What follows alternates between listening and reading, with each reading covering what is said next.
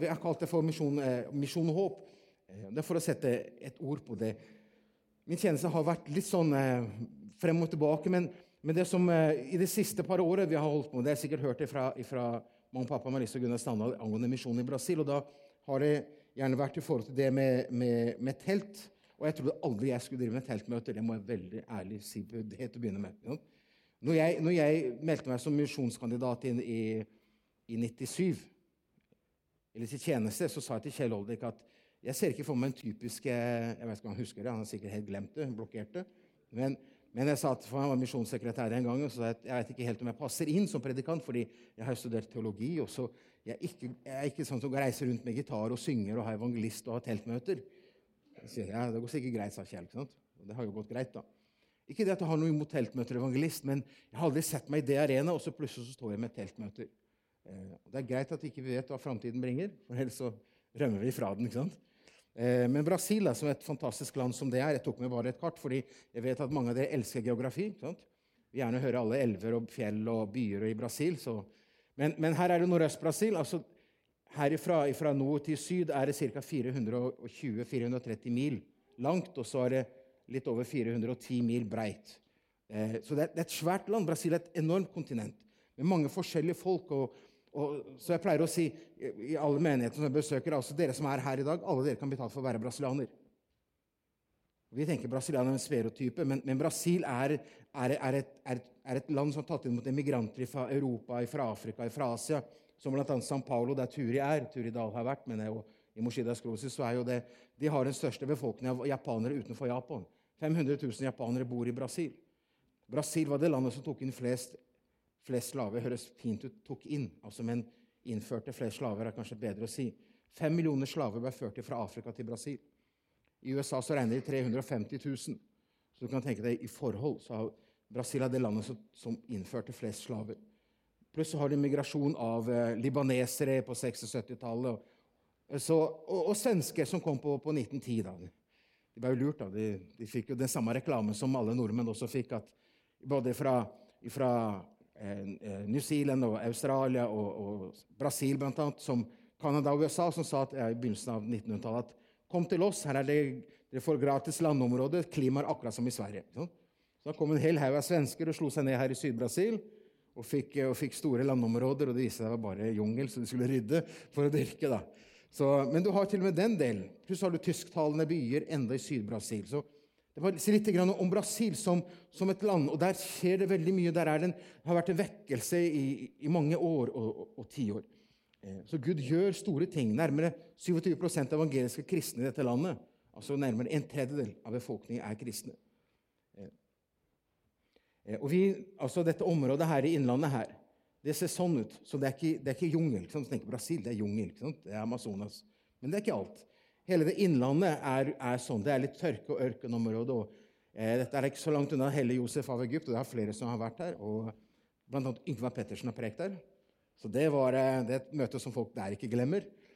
Eh, og sånt er Men det er, det er det området som det er flest fattige i Brasil. området innlandet her. Det er det fattigste området. Det er en område hvor det er størst nød både med evangeliet og sosialt. Der finner du byer med 2% evangeliske kristne. Og så har vi den utfordringa at når vi da er, er i Brasil, så, så, samarbeider vi med en bevegelse som kalles for Frie baptister. Derfor ser du ofte et baptistnavn når vi snakker om Brasilmisjon. For det er fra siden 1975 eller et eller annet sånt, så har De frie hatt samarbeid med det som før var kalt for Ørebro-baptistene. For de var grunnla et arbeid i Brasil fra 1910-1911 Eh, gjennom misjonærer som ble sendt for å jobbe med disse svenske migranter som hadde det vanskelig i Syd-Brasil. Så ble jo brasilianere frelst. Og fra 1955 så er det bare en selvstendig bevegelse. Eh, derfor har du det, dette navnet. Du finner ikke frie evangelske forsamlinger. Du finner Bartisten Epedenche eller Bartista Beteo eller forskjellige sånne navn. da. Eh, og, og siden vi er da i en sånn sammenheng, i en sånn bevegelse Bare for å legge grunnlag for det jeg skal fortelle om dette med teltet så er det sånn at vi har mange menigheter, mange som er med. langs kysten. Kysten er det området som er mest befolka, og innlandet minst befolka med evangeliet. Og Da har min utfordring vært hvordan kan jeg bruke menighetene som er oppadgående, som har voksne ungdommer, til å være med og plante nytt arbeid, ny menighet og, og slikt. Eller hjelpe menigheter som har det vanskelig. Og Da kom dette teltprosjektet inn. Eh, med at Man setter opp telt, og så bygger man med team fra menigheter. og Det er voksne og ungdom som er der én til to uker og driver med barnemøter, evangelisering, husbesøk. Og så er det, er det da helseaksjon og kveldsmøter. Så det er ikke basert på den ene tjenesten som man ofte tenker med telt. Eh, det er evangelisten, men det er basert på mange. Så der kan det være alt fra 20 til 40 stykker som er med i ei uke eller to i et område. Og det blir noe helt annet i resultatet i det. Eh, og Det er jo veldig spennende. Når vi driver og setter opp telt, så er det jo mange, mange frivillige som, som, er med. Eh, og du ser at mange frivillige lærer seg, som mange, mange kommunearbeidere, at tre jobber og resten ser på. Sant? Så man får skifte om, om dette her. Men, og alle disse her, det, er fantastisk at vi ennå i dag ikke har brukket noen ting. fordi det jorda som du ser der, det er stein og, og jord. Og du skal slå ned sånne store teltplugger på denne høyden her. Med slegge på 58 kilo med folk som aldri har tatt ei slegge før. Ja? Og Det er både gutter og jenter og meg. Ja? Så uh, vi har klart det. Ja? Det tar sin tid. Det, det utfordrende med dette området det er, Dette er en by som heter Patos. Dette var i januar. Dette er en bydel med ikke-kristen menighet som de skal plante menighet der. Eh, Patos er en by som ligger i en tidligere vulkan. Og dere som har hatt en fantastisk sommer i år, dere kan tenke dere hvor godt i den gode varmen som var i sommer, å ha teltmøter da. Det er liksom det er noe som tiltrekkes. Så tenkte vi det, det er sikkert noe her òg. Til 40 varmegrader og teltmøter. Det er sikkert noe bra. Så, så, det var veldig støvete. Når vinden tok taket, du ser jeg ikke noen vegger på teltet, så kom liksom støvet inn i teltet, og så gikk det sånn sakte, så dalte det ned. Sånn, så midt i, i litt lovsang så ble det plutselig stille. Vi måtte holde munnen igjen for at ikke støvet skulle komme inn. at alle sanda. Men teltet var fullt av folk for det. Eh, og Det som er interessant med, med, med, alle disse frivillige som er med i dette her, det er disse gale barnearbeiderne. ikke sant? Fordi Når vi driver, holder på med bygger, setter opp telt, så spør jo, kommer haugevis av ungene og spør når begynner sirkuset. Vi sier ja, i morgen. Da kan dere komme. Ja. Det er gratis, bare ta med venner. Dette å ha barnemøter er veldig viktig. Å bruke teltet i å nå barna. Fordi de har rett til å høre evangeliet, at Jesus døde på korset for dem også. Så disse barnearbeidene er veldig kreative, men de er veldig bevisst på at de skal forkynne Guds frelsesplan. For de kommer fra ikke-kristne hjem. De har ikke peiling, ikke hørt noen ting. Det er viktig for dem å få hørt dette, at evangeliet er også for barna. Vi skal ikke ekskludere barnet fra sannheten. De skal få lov til å høre at Jesus døde på korset. Selvfølgelig må det være en viss alder til å kunne forstå dette. Men vi har, etter, etterpå så har vi gjerne en frelsesinnbydelse, og det er tiltalelse av unger, som da rekker opp sin hånd og så tar de imot Jesus. Noen er det på en måte, har forstått det, andre er det ikke. Men, men vi gir hvert fall muligheten til at Herren kan få lov til å gjøre det underet av å forandre et barne, barnesinn. Det er unger fra åtte til ti år selvfølgelig som tar gjerne den avgjørelsen. Og Det er fantastisk å se hvordan, hvordan disse, disse, menneskene som er frivillige med dette her, er med og, og, og hjelper til. Det er, det er kjempe, kjempepopulært. Og så gjør vi noe som jeg vet jeg ikke jeg vet ikke, Kanskje ikke. kanskje, jeg vet ikke, Dere får bestemme sjøl. Men dette fungerer i Brasil. Helseaksjon. Brasilianerne er, veldig Brasilianerne er sosiale. De er pratsomme. De snakker om sine sykdommer og andre sykdommer, og gjerne om dine sykdommer. Det er ikke noe problem å snakke om sykdommer. Og Når du går til, til, en, til en, legekontor i, i, Brasil, så er det annerledes enn her. Sant? Her Når du går til, til en lege, så, legekontor, så sitter alle og ser hvert i sitt blad. Du vil, ingen, du, vil ikke se på noen, og du vil helst ikke at noen skal se på deg. Du vil ikke vise at noen skal vite at du har vært hos legen en gang. Sant? Mens hos en brasilianer kan du komme inn på legekontoret, og da går praten i gang. Alle prater med hverandre, og hva feiler deg, og det feiler det. Og så sier ja, jeg vet noen som har akkurat det samme problemet som deg, og du bør gjøre det og det og det. Så når du endelig kommer inn til legen, så har du en liste på alt det du kan gjøre. Før legen sier det. Alle medisiner, alle urter, av det som hjelper deg.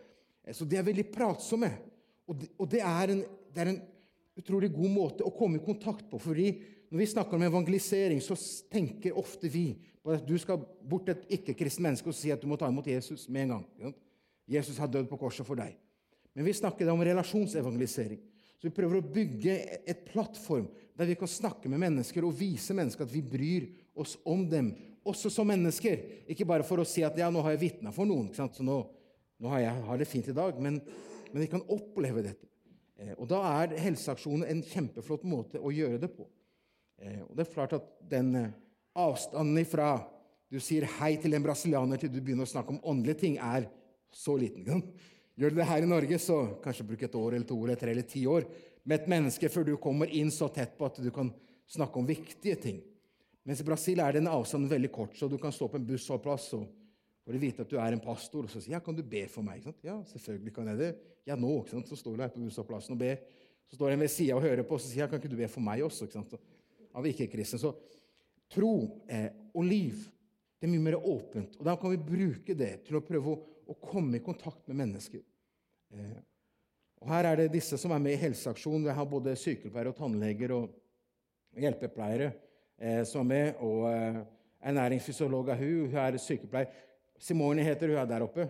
Hun har hjerte for dette, her, så hun har drivkraften i dette. Så da måler vi blodtrykk og så blodsukkeret, og så skriver vi ut et skjema om adresse, telefonnummer alt som, alt, som, vi trenger. Så er undersøkelser om hvordan er det i familien din i forhold til narkotika og, og sånne ting. Sånn, for å kartlegge området i forhold til, til hvordan de sosiale forholdene er. Og jeg vet at I Norge hadde vi allerede hatt problemer med, med en haugvis av myndigheter bare vi snakker om det. ikke sant? Mens der er det litt sånn ikke sånn.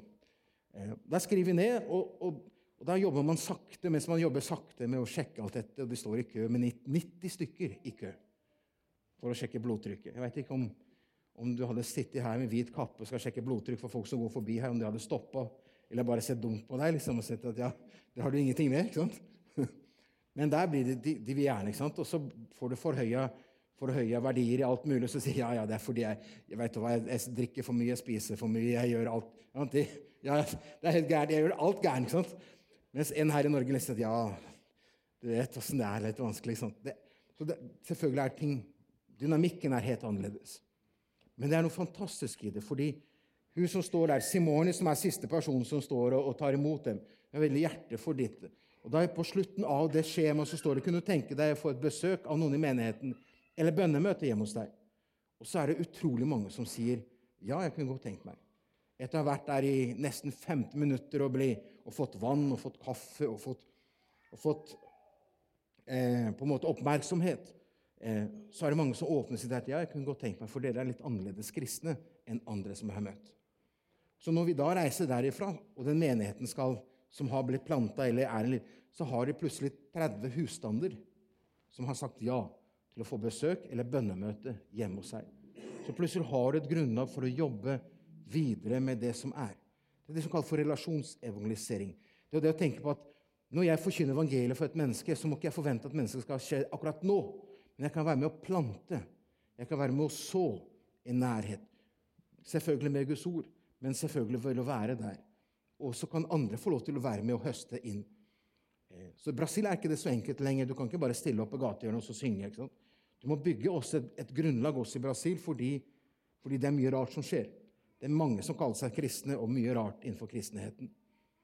Men hvor fantastisk det er å se disse her som, som er med på dette. Og, eh, her er et av møtene der, der over elleve stykker blir frelst på, på, på, dette. Han er eh, Lavoisier heter han. Han er ikke fransk, han er brasilianer. Han vet ikke hvorfor han fikk et fransk navn, men han bor i innlandet der. Men, eh, men, han er leder for menigheten der og har startet et sosialt prosjekt. og Nå er det to menigheter der blant annet, i den byen. Veldig driftig mann, men, men, som på en måte brenner for, for sin neste. Eh. Og Det andre som også vi har vært med på, det er jo menighetsplanting gjennom andre som vi har som evangelister og er med. Og Det er en by, eller et sted som heter eh, eh, eller Porto de Galinha. Jeg tror noen var med kanskje der, eh, i nærheten av stranda for for noen år siden. Så dette var innvielse av lokalet for, eh, for eh, i mars, dette her. Der ser du Batista Independencia altså Batista Ebenezer. Så det er blitt på en måte som en, som en utpost i den menigheten i Resif, der Adriano og menigheten ble grunnlagt av mamma og pappa. Det er et fantastisk sted hvor du ser hvor mange som er med, og, og mange har blitt frelst. Og så er det en her som du selvfølgelig kan se veldig tydelig bak her. Jeg prøvde å finne bilde av han. Han eh, mørke, lave. Sandro. Han ble frelst. Bare fortell en historie om, om det. Han var frelst der for, eh, for ca. To, to og et halvt år siden. Eh, han, han, var gift, hadde ikke barn, hadde ikke hus. Han var analfabet, han hadde klumpfot. Han hadde ingenting. Han levde på, på noe trygt som han kunne få litt imellom fra, fra myndighetene.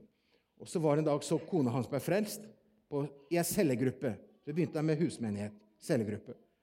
Kom naboene inn der som ikke var kristne, og så der sang vi en enkel sang. Og så forkynte jeg enkelt hva Bibelen sier om, om frelse evangeliet, og så har vi sosialt. Og I dette arbeidet etter noen uker og måneder så ble de på en måte litt tillitsfulle til å si at jeg, jeg ønsker å ta imot Jesus. Så han Sander tok imot Jesus, og så går det ei uke, kommer jeg tilbake. Og så forteller denne Sander dette. da. Det begynner å bli litt tørt, så jeg må ta litt vann. Ja. Så sier jeg Sander følgende at, at han som jeg har sagt, som jeg, har sagt, eh, som jeg hilser på hver morgen, han har ikke vist seg på ei uke. Ja, så sier jeg, hva, hva mener du med det? Jeg tenkte det var en eller annen familie. Men så forteller han det at han er jo, mora hans er heksedoktor. Eh, Pga. migrasjonen og alt, så, hun drev med, med makumba og var heksedoktor. Og hun hadde innvidd alle sine barn. Han ble regnet som hunden i familien fordi han var født med klumfot. Han kunne ingenting, eh, så hun, han på en måte var kasta til side. Men så sier han at hans mor var, eh, eh, er heksedoktor og har innvidd alle barna til forskjellige guder. Vi kaller det for demoner, men de kaller det for guder. Og disse gudene de åpenbarer seg for dem hver eneste dag, og det er viktig for dem å si hei, god dag. Han hadde en så spesiell ordmantra som han måtte si. Og helt fra siden han var liten, så så han denne demonen hver eneste dag. Og han måtte hilse på den, for hvis ikke han hilste på det, så ville han da oppleve på, altså, vonde ting i sitt liv. Da skjønte jeg selvfølgelig hva som, hva som var tegninga her. Så lurte han på dette her, så sier jeg, vet du hva? Så skal ikke bekymre deg, fordi du er kjøpt fri. Du tilhører ikke lenger mørkets makt, djevelen eller Satan eller hvem det er. Du tilhører Jesus. Det blir veldig konkret for han å forstå at han har gått fra mørket til lyset, fra døden til livet. Dette er ikke en, en historie som måte eh, som han har på en måte lest seg til, men dette er noe som han har opplevd. Han er kjøpt fri. Det som skjer med Sandro da, og Grasa der, kona Hun blir jo gravid i løpet av noen måneder, og så, og, så, plutselig så får han et hus. Eh, fordi det var noe feil i kommunen, så han en eiendom som han hadde på en måte Siden han var fattig, og sånt, så ble det trekning i det. Så var det feil trekning, og han fikk det. Og kunne ikke kommunen trekke det tilbake, så plutselig så satt han igjen etter halvannet år med hus, med kone og med barn. Og et nytt liv. Og så sier mora til han at du er ikke lenger sønnen min fordi du er blitt sånn kristen. Så jeg vil kaste all forbannelser over deg. Og han der pastoren han snakka med meg. Da, Hvis han kommer, så er det bare over mitt, mitt lik, sier hun. Så har jeg sagt til at bare si til henne at jeg ber for at ikke det skal skje, da. At du må dø. Men at vi gjerne ber for henne. Så nå er broren også eh, Alberto heter han. Han, han, er også der på et, på et bilde her. Han ble også frelst. Så nå er alle barna hennes, alle barna som hun hadde innvidd til forskjellige demoner, blitt frelst. Det mangler bare hun. Det er herlig. Det viser noe om Guds kjærlighet og Guds nåde. Det handler om Guds misjon. Det handler om hva Gud gjør. Håpet er hos Han. Ikke hos meg eller hos oss, men hos Han. Vi får lov til å bringe det. Og Det er jo det som er fantastisk å være med i dette her og se hva, hva Gud gjør. Eh, når mennesker er villige til å si Herre, Bruk meg. Jeg vet ikke hvordan. Sant? Jeg kan ikke så mye, men, men hvis du kan, Herre, her er jeg.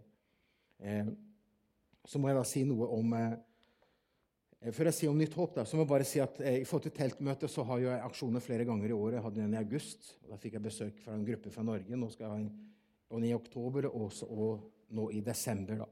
Det store utfordringen for meg, sånn som jeg sier, jeg skal samarbeide med menigheter, forskjellige menigheter hver gang, til å til å plante eller hjelpe en menighet i et annet distrikt. Så Derfor reiser jeg ganske mye. Og det, Utfordringen er at eh, de sier, de er brennende og sier ja, vi vil være med. Men når det kommer til stykket, så er det ikke alltid de holder sine ord, eller sitt ord, eh, og ikke møter opp. Det er et sånn litt problem. Ja? Her, eh, her, kaller vi for noe annet, men der er det liksom Det gikk ikke. Ja? Så, har, man har litt, litt problemer, har litt problemer i Brasil i forhold til å få dette til å, til å gå til å, til å, gå sammen. Eh, men jeg har en god gruppe som er med. Eh, så vi har en stor utfordring til eh, kulturelt sett. Fordi jeg, jeg, må jo planlegge dette seks måneder på forhånd, og det er jo, for noen av dem er det helt håpløst å tenke seks måneder på forhånd. liksom. Altså Der tenker de for hver måned menighetsarbeid, f.eks. Og så tre måneder hvis de skal gjøre noe større ting. Sånn. Seks måneder, liksom. Det, jo, det, er liksom helt vanskelig for dem å planlegge seks Så gjør de det. Vi var satt sammen og planla seks måneder framover i tida. Og så, fulgt deg opp, og så går vi med det. Jo, det går bra. ikke sant? Det går bra. Men det å gå bra betyr at det går bra. De gjør ingenting, men det går bra. Så sa jeg, har dere tatt kontakt med de som skal være med? Ja, vi skal ta ansvar for alt. Bare kom med teltet, så har vi gruppe for skal være med på alt. det. Er dere helt sikre på det? Trenger ingenting? Ja, vi skal gjøre alt. Og så går det plutselig en måned før så begynner man å høre at ja, det er ikke helt greit allikevel. Og så er det to uker før så sier at vet du hva, vi kan ikke allikevel. Det kan være frustrerende. Når du har organisert et sted som overnatting, og de som skal være med, og så er det bare å si at nei, jeg godtar ikke det, dere må bare være med. Så det er en, det er en utfordring. Eh, så hvis det er noen av dere som har bedt om mye tålmodighet, føler jeg har lite tålmodighet, så kan dere bli med til Brasil. For der er det et sted som Herren kan jobbe med tålmodigheten din. Ja? Det å vente på folk og liksom å gjøre ting og Ting er ikke avtalt. Ja? Det er et sted som du kan vokse med i tålmodighet, så velkommen er du. Eh, men ellers er det en annen ting. Hvis du elsker byråkratisk arbeid eh, og jobber med byråkrater, så er det god plass til deg også i Brasil. Fordi vi har Nytt Håp, eh, dette daghjemmet for vanskeligstilte barn. Og vi har holdt på en stund med å samle inn penger, og så er det sikkert folk ja, men hvorfor har ikke dere begynt å bygge enda? Og det var fordi når jeg kom ut, Vi skulle begynne allerede i fjor, når jeg kom ut i august. Men så får vi den gode ideen at følgende at Nytt Håp det er et filantropisk organisasjon. Altså det, er, det er en selvstendig sosial organisasjon eh, som har tilknyttet en bevegelse og menighet, men det er selvstendig. Og For å være filantropisk så er vi fritatt en del skatter, en del avgifter, når man skal sende inn byggeplaner og alt det som skal gjøres. Tenkte, vi må jo sende inn dette for å bli fritatt fra å betale masse tusenvis og titusenvis av kroner i masse avgifter og forskjellige ting i byggeprosessen. Og det har vi holdt på med, da i åtte måneder. Jo. Sendte inn papiret. Sendte inn november, og så var det desember, og så var det januar var det ferie, så var det ingenting som fungerte i kommunen. og så var det I februar var det med nye dokumenter, og så i mars var jeg, ba de om hele regnskapet for de siste ti år, og da møtte jeg opp med hele regnskapet for ti år. Ja, og så var det senere så var det, nei, vi trenger historikken til alle tidligere ansatte og ansatte i dag. Sant? Og det var masse greier. Jeg leverte det, og så var det så endte med at siste gang jeg var og så kan ikke dere bare gi meg liste på hva dere trenger? Det er veldig enkelt. Sånn. Så kan jeg fikse alt det, så vi kan få lov til å bygge. Så sier nei, vi må bare se gjennom hva dere trenger, og hva åssen ting er. fordi, eh, og det som er, er at kommunen taper jo penger ikke sant? hvis de sier ja til dette. Men det som vi egentlig mistenker, er jo selvfølgelig at de vil gjerne ha penger under bordet. At vi skal liksom smøre systemet. Ikke Sant? Det er veldig vanlig. Uheldigvis. Men, men vi er døve. Vi forstår ikke det språket, selvfølgelig. Så vi bare skjønner ingenting. ikke sant? Eh, men det som vi da har bestemt, er at hvis ikke det gikk igjennom, det skulle gå gjennom nå i august, og så har det blitt utsatt, og at vi kanskje bare legger det på is, hele den, det og så betaler hele de skatter og avgiftene som skal, eh, for å få begynt, i hvert fall. Vi har nok til å begynne med, med grunnmuren og begynt å bygge i hvert fall det første delen av bygget. tror vi at vi kan klare, For å flytte prosjektet dit. For vi har i dag 35 barn. Eh, her ser du Eva. ikke sant? En av våre lærere dette, dette prosjektet. Vi har 35 barn. og disse, eh, Men det er et område som behovet Bare de bydelene som er rundt der, er 1800 barn. Og, og det er noe spesielt når du, når du, ser hvordan situasjonen for dem er. Og du vil gjerne gjøre noe mer. Men du kan ikke fordi du har ikke rom, du har ikke plass, du har ikke sted. Og Her er det barna til de er seks år, og så må vi slippe dem, for de skal gå på skole. Eh, så de får, Fra to til seks år så får de den undervisningen de trenger to til tre år, altså til seks år. Eh, de må lære seg å lese og skrive før de begynner på skolen. For når David er med oss her nå Han har jo begynt, Det er noen år siden han begynte på skole i Brasil. Førskole. Han hadde med seg over 40 lekser som han skulle gjøre disse, disse dagene. Og han har en prøve kalt for eksamen på slutten av året, hvor det skal se om han, om han kan nok til å begynne med i første klasse i Brasil i februar neste år. For skoleåret er fra februar til november. er motsatt av her. Så ser jeg Hele skolesystemet er et, et system som er skapt for tapere. Altså, det er mange som faller igjennom hvis ikke de har foreldre som hjelper. Så, så det er et ganske brutalt skolevesen. Altså, matematikk altså, David hadde en oppgave her. Eva la det ut på Face tror jeg, for noen måneder siden. Altså, det var et eller annet mellom eh, altså 57 pluss 32. Skulle, han skulle summere det som en femåring. Det er noe av leksene. Vi klarer ikke å tenke så mye engang. Men han forstår å legge tallene oppå hverandre, så finner man til et tall. Men han forstår ikke gangen i det. Men det er det som forventes. Eh, Og på prosjektet Nytt håp så må vi forberede disse barna på den hverdagen. Så der er det full undervisning på å lese og skrive og matematikk og engelsk. da. Eva driver underviser disse barna engelsk. da. Det er jo elementære ting. Men så de kommer i kontakt med det for å se om de kan få litt hjelp til når de begynner på skolen, så er ikke de så langt tilbake i forhold til mange andre barn er i, i dette landet. Så det er, et, det, er et, det er, et, land som er veldig krevende sånn sett. For dem som ikke har foreldre som kan, eh, kan betale for dette, og som kan, kan hjelpe. Og dette daghjemmet, om, eh, dagsenteret, om det blir ferdig, og, og sånt, så, så, vil det kunne romme opptil 200 barn. Men selvfølgelig så må man ha ansatte. Og det store problemet med alle sosiale prosjekter som misjon driver Hvis planter menighet, så får man det til å bli selvdrevet. Men sosiale prosjekter er ofte vanskelig at det skal bli drevet selvstendig økonomisk. Eh, og det er, en, det er en stor utfordring å få det til å bli selvdrevent.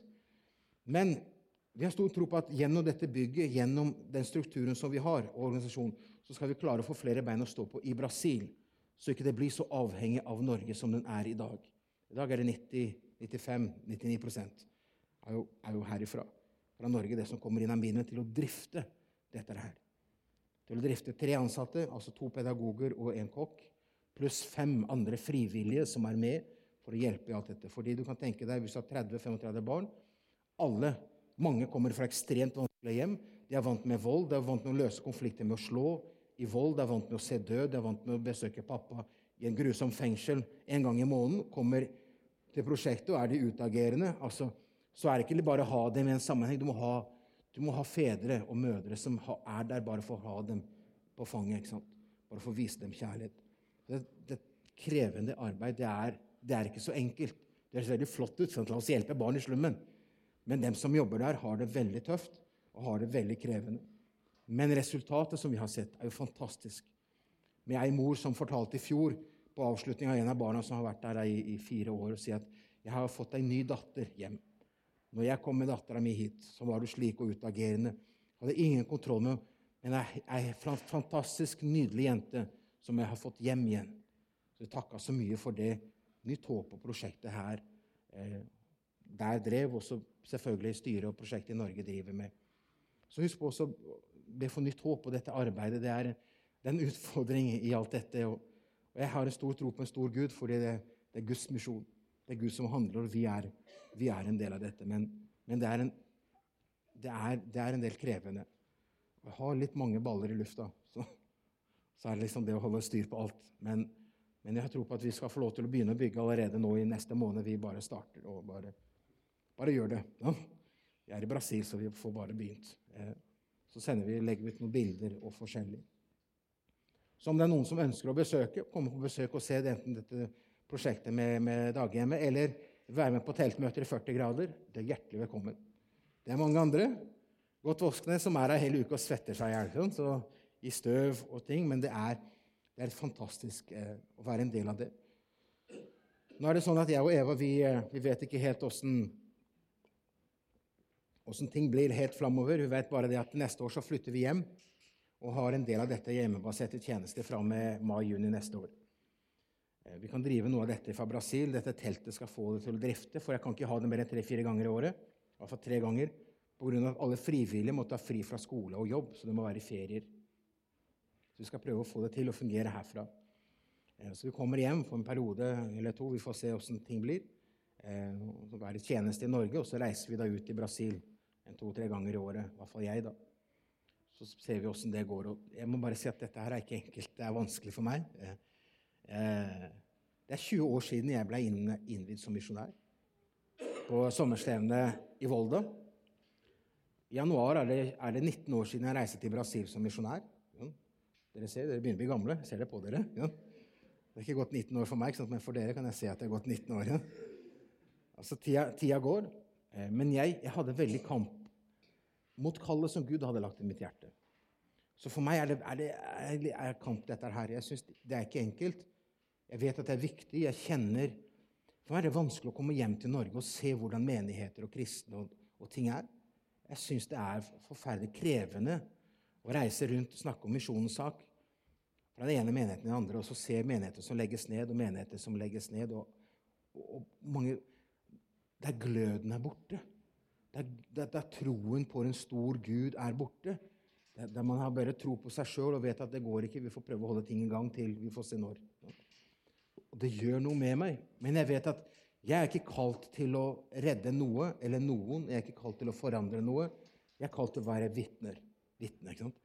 Så jeg har lagt inn for Gud og sier Gud, hvis, du, hvis det er det du vil, Herre, så, må du legge det til rette, og så må det, må det være hjertet. Men det jeg ønsker av mitt hjerte Jeg ønsker bare å tjene Jesus. Så enkelt. Bare få det på, ned på det planet. Hvorfor ønsker jeg å tjene Jesus? Det må jo være fordi jeg elsker Jesus. Han må være min frelser. For, for hvis ikke jeg er glad i Jesus, hvis ikke han, han er mening og livet for meg, så er alt det andre jeg driver med, er jo bare masse gjerningsgreier for å tilfredsstille meg eller andre og Gud. ikke sant? Men det eneste jeg ønsker å erkjenne Så husk å be for meg og Eva i våre, våre valg i dette her. Med David òg, selvfølgelig. ikke sant? Jeg er misjonær, så jeg vet åssen David er med i dette her. ikke sant? Men, men eh, skal be for oss eh, som familie og eh, i den utfordringen, den veien Gud har for oss. Jeg vet bare at det er, jeg ønsker å være med på det Gud gjør. Jeg ønsker ikke å se hva Gud gjør for alle andre. Jeg vil være en del av Guds plan. Og For å gjøre det så må man være villig til å stille sin egen plan til side og si at 'Herre, det må være din vilje. Og her kommer budskapet. Nå kan jeg hoppe rett opp på den. Ja. Eh, det er en mann i, eh, i Bibelen eh, Bare hold øye med tida her. Det er, en, det er, en, mann i Bibelen som på en måte, han, han, var kristen i mange mange år. Nå begynner jeg på en spesiell måte å fortelle dette her. Han var var troende i mange mange år. Han kjempa mot kristne, han ble frelst. Og Gud brukte han til store ting. Men så er det sånn i avslutning av sitt Ikke helt enda avslutning, men en del nå var han litt over 60 år, men er ikke gammel med 60. er ikke det? Det er ikke avslutta ennå, da. Ikke sant? Det er da man begynner. Han var rundt 60 år. Nå får jeg sikkert kjeft av noen her etterpå. Men, eh, og han hadde, han hadde, det meste bak seg av det han hadde opplevd med Gud. Men plutselig så sitter han i fengsel i Rom, i fangenskap. Og der, Når han sitter der i fangenskap, så sitter han fanget sammen med det kalles for pretorianske vaktene. Og det er livvaktene til keiseren. Sant? som passer på han, denne mannen 24 timer. Så han, han, er fengslet i et hus som han har leid. Og, og mens han er der, så vil en tro at det, det er en mann som, som på en måte ville møte enden av sitt liv og tjeneste som en bitter mann og si at ja, det er takken. For alt det jeg har gitt inn i Guds rike, for alt det jeg har gjort. Men så skriver han et brev som er et fantastisk brev, et brev som er brev til filipperne, menigheten i Filippi. Det er et brev som er fylt av glede. Han sier 'gled dere i Herren'. igjen'. vil si 'gled dere'. Og er ikke, Gleden er ikke hovedbudskapet, ser jeg, i, i Filippe-brevet. Hovedbudskapet i Filippe-brevet er Kristus. Fordi gleden er bare et frukt av et liv med Gud. Og Jeg skal lese et vers som sier noe om hvorfor en kristen kan oppleve livsglede midt i helt uforståelige, uvirkelige og kanskje eh, eh, ja, ubarmhjertige og urettferdige ting. Hvor han kan møte med en livsgnist på Herren på en helt annen måte.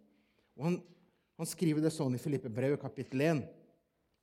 Og så skal vi lese Det har du sikkert aldri kanskje hørt fra talerstolen før noen si det, men kanskje aldri i forbindelse med Guds ord.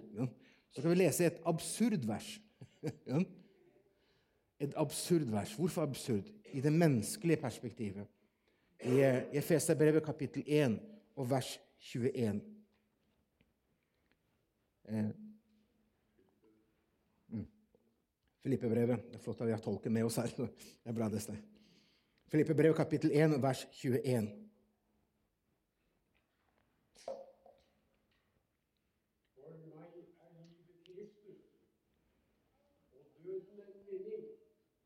Amen. Og jeg sa et absurd vers. Hvordan kan man si det? Jeg er troende, dette er ikke absurd. Det er jo, Amen, det er min bekjennelse. Jo, fordi, fordi det er det, Paulus sier ikke dette fordi det er en sånn der, en sånn, bare en sånn bekjennelsestro. Det er livet hans. Han skal stå innenfor en av de verste keiserne i Romers historie, keiser Nero, og forsvare sin tro. Men han sier noe som jeg sier, absolutt for meg er livet Kristus. I en verden, i en sammenheng der vi vet at For oss er livet jobben, familie, karriere, hus, det vi kan få til her. Og Jesus er en del av det. Og så snur Paulus på og sier Jesus er livet. Alt det andre Det er ikke det at alt det andre er gærent, men det er ikke livet. Det er en del av livet. Men Jesus er alt. For meg er Jesus livet.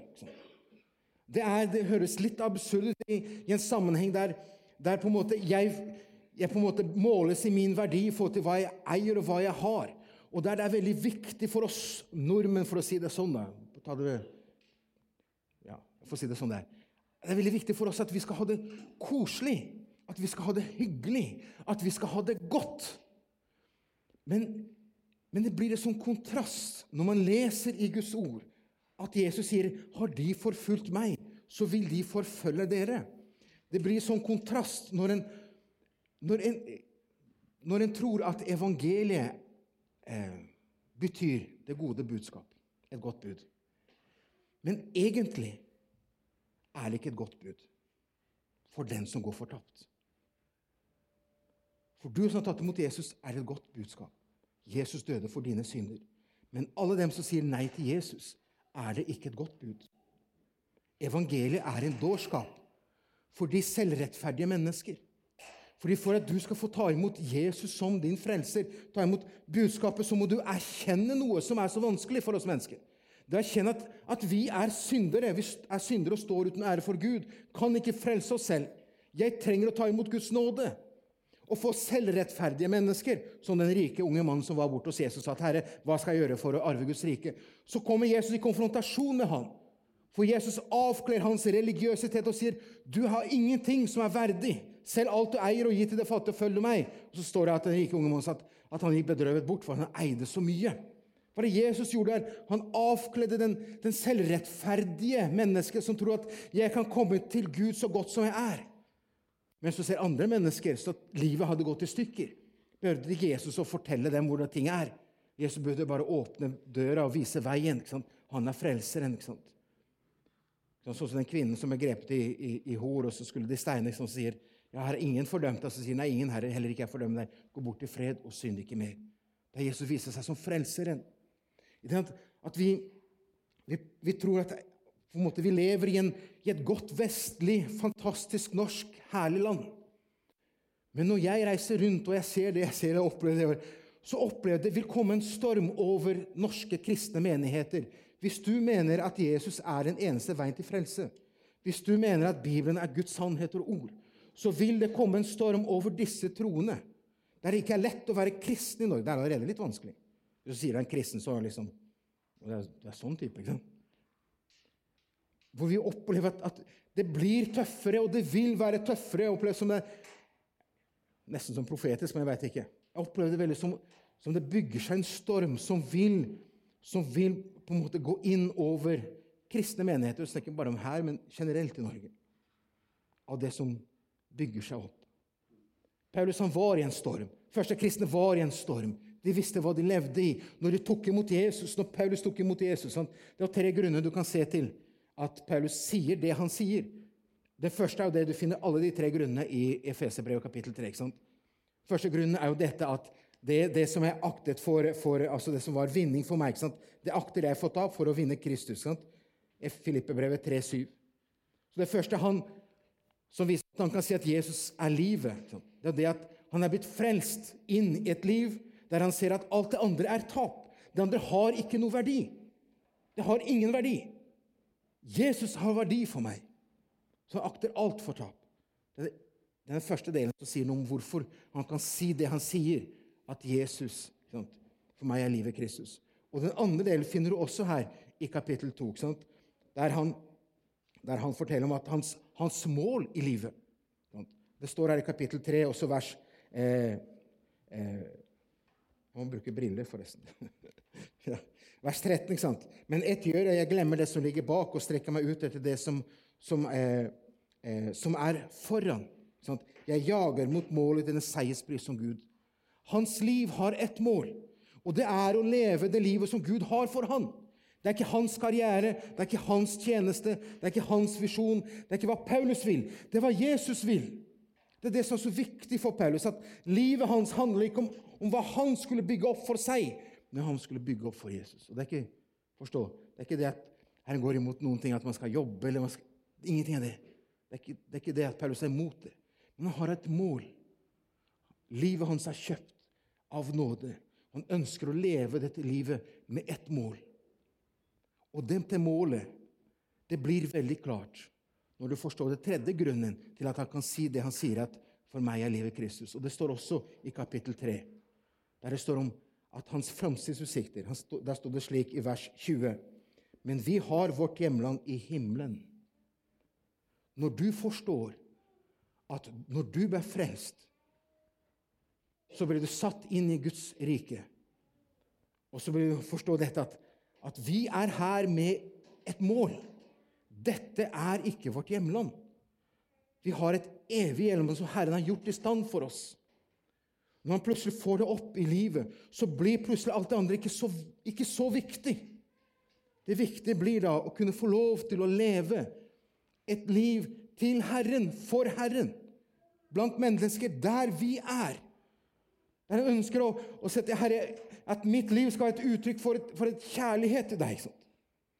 Derfor blir det at Paulus kan si det han sier, disse absurde versene. ikke sant? For meg er livet Kristus, også det andre absurde. Og døden en vinning. ikke sant?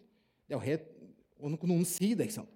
Ja, Er du død, så er alt ferdig. ikke sant? Karrieren er over. alt er du, det var alt over. Men for Paulus var ikke det, for livet var i Kristus. Den som tror på meg, skal aldri i evighet dø, sier Jesus til Martha. Johannes kapittel 11. Han vekker opp like etterpå Lasarus. Det å tro på at vi har kalt inn i dette. Derfor er det disse versene blir så levende for meg og utfordrende for meg. Av hvordan et menneske kan si disse ordene, og hvordan vi trenger, som troende, å si at 'Herre, du må, du må være livet for meg'. Ikke en del av livet, men du må være livet, Herre. Hjelp meg til å forstå, Herre, at jeg kan ikke garantere morgendagen engang. I morgen kan jeg bli påkjørt, i morgen kan et eller annet skje. I morgen kan du si ok, nå er livet over, og that's it. Jeg har ikke kontroll på noen ting. Jeg kan, jeg kan trene, jeg kan, jeg kan slanke. Prøve litt, ja, men det går ikke alltid greit. Jeg kan gjøre så godt jeg kan, og det, vi bør gjøre det vi kan.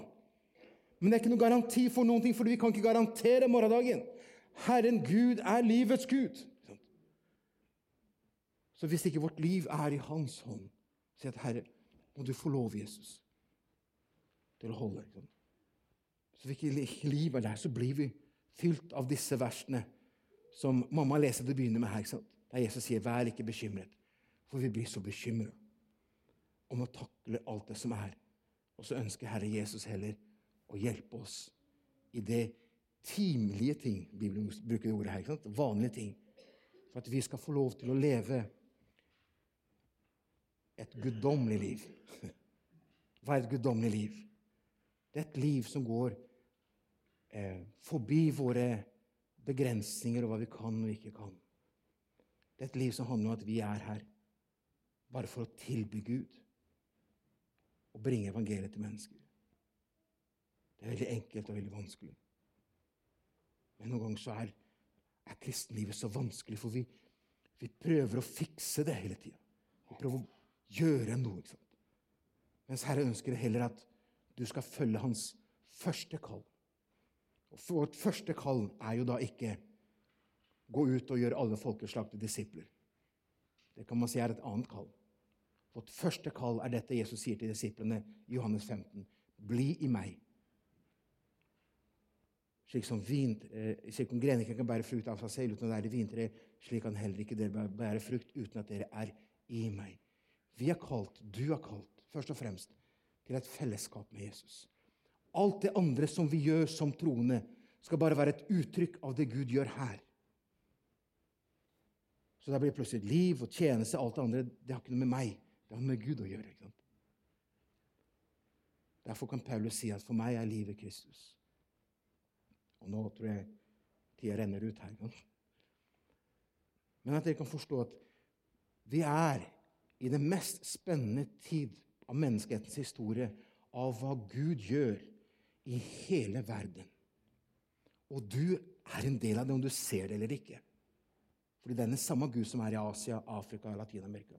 Han er samme Gud for oss. Vi er med på noe fantastisk. Herre må hjelpe oss så vi får, får vekk alt det, det blur, altså alt det der eh, uskarpe tingene som samfunnet putter på oss. Og heller si at ja, Herre, jeg priser deg fordi jeg er skapt. Jeg takker deg for at du, at du har et plan med mitt liv. At det fins ikke pensjonister i Guds rik. Det fins ikke folk som er for syke, for unge, for gamle, for dumme. Gud ønsker å bruke oss alle. På vår måte, på hans måte. Men til det så trenger man å være villig til å si at 'Herre, jeg gir avkall på mitt'. Og forstå igjen, Nå mener ikke det at du skal si opp jobben og selge huset og reise til et eller annet sted. Det er, ikke, det er ikke der. Det ligger av å legge av min kontroll på mitt liv. Og si, 'Herre Jesus, jeg trenger at du tar kontroll.' Slik at når jeg reiser meg opp og skal lovprise deg, så er det en lovpris som kommer herifra. For jeg er enormt takknemlig for at selv om jeg feiler, ikke er en god nok kristen, ikke gjør det jeg burde gjøre, så er det nåde der for meg hver eneste dag. Plutselig så, så er nåden konkret. ikke sant? For det er noe du lever i. Det er ikke en teori. Du kan bare oppleve nåden daglig når du på en måte møter deg sjøl daglig. Og så sier jeg, 'Herre, sånn er det. Herre, tilgi meg. Men Herre, fyll du meg. Led du meg.' Så kan du få lov til å kjenne at Herren, han er der. At vi kan få lov til å på en måte legge vårt liv innenfor ham. Herre, vi takker og priser ditt navn, Jesus, for, for vi trenger ikke å be deg ned. Herre, vi trenger ikke å gjøre noen øvelser for at du skal du skal høre oss, Herre. Herre, jeg takker deg for at du elsker hver eneste en som er her, Jesus. Jeg takker deg, Jesus, for du har kjøpt oss med ditt blod, Herre. Du har frikjøpt oss, Herre. Herre, jeg takker deg for at du, du ønsker å, å, fylle våre liv, Herre, med, med, din kraft og din nåde, Herre, så ikke vi, vi går, Herre Jesus, på vår vilje, men at vi kan gå opp som et frukt av det du gjør hos oss, Herre. Hjelp oss, Herre, til å innse at vi, vi, er, vi trenger å være avhengig av deg for å kunne leve ut dette livet, Herre. Herre, hjelp oss her i vår stolthet, Herre, at vi tror vi kan fikse dette kristenlivet og prøve å gjøre masse ting, Herre. Men vi trenger din kraft, Herre. Og at vi kan få lov til å møte din kraft, så trenger vi å erkjenne, Herre, at du må være vår frelse over alt i våre liv. Så trenger vi å erkjenne, Herre, at vi, vi kommer til kort, Herre. At vi har ikke nok gnist, vi har ikke nok kunnskap, vi har ikke nok kraft. Vi har ikke nok visdom, vi har ikke nok eh, redskaper til å gjøre noe, Herre. Vi er avhengig av deg, Jesus. At vi skal få lov til å tilgi vår neste sånn som du har tilgitt oss, Herre. Vi er avhengig av deg, Herre, at vi skal tørre å ta et trosteg i livet til å fortelle et menneske som vi har i vår nærhet, om deg, Herre.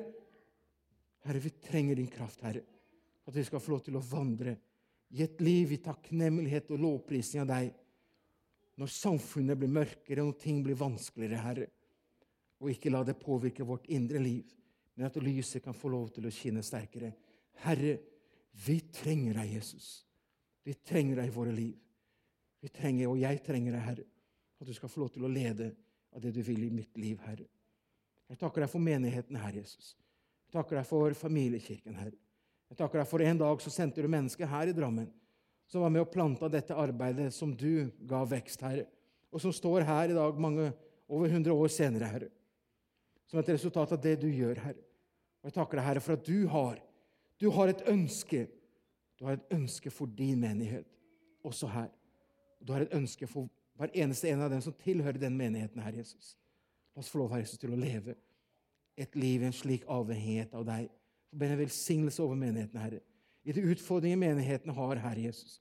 At de får lov til å si at de står i din misjon, Herre. De står ikke i sin egen kraft og i sin egen kløkkhet, men de står i din din visjon, din misjon, Herre, det du gjør, fordi du er drivkraften, Herre. Derfor kan vi stole på at det du har begynt, det vil du fullføre, Herre. For det er ditt arbeid, Herre, til din ære og til ditt rike. I Jesu navn. Amen. Amen.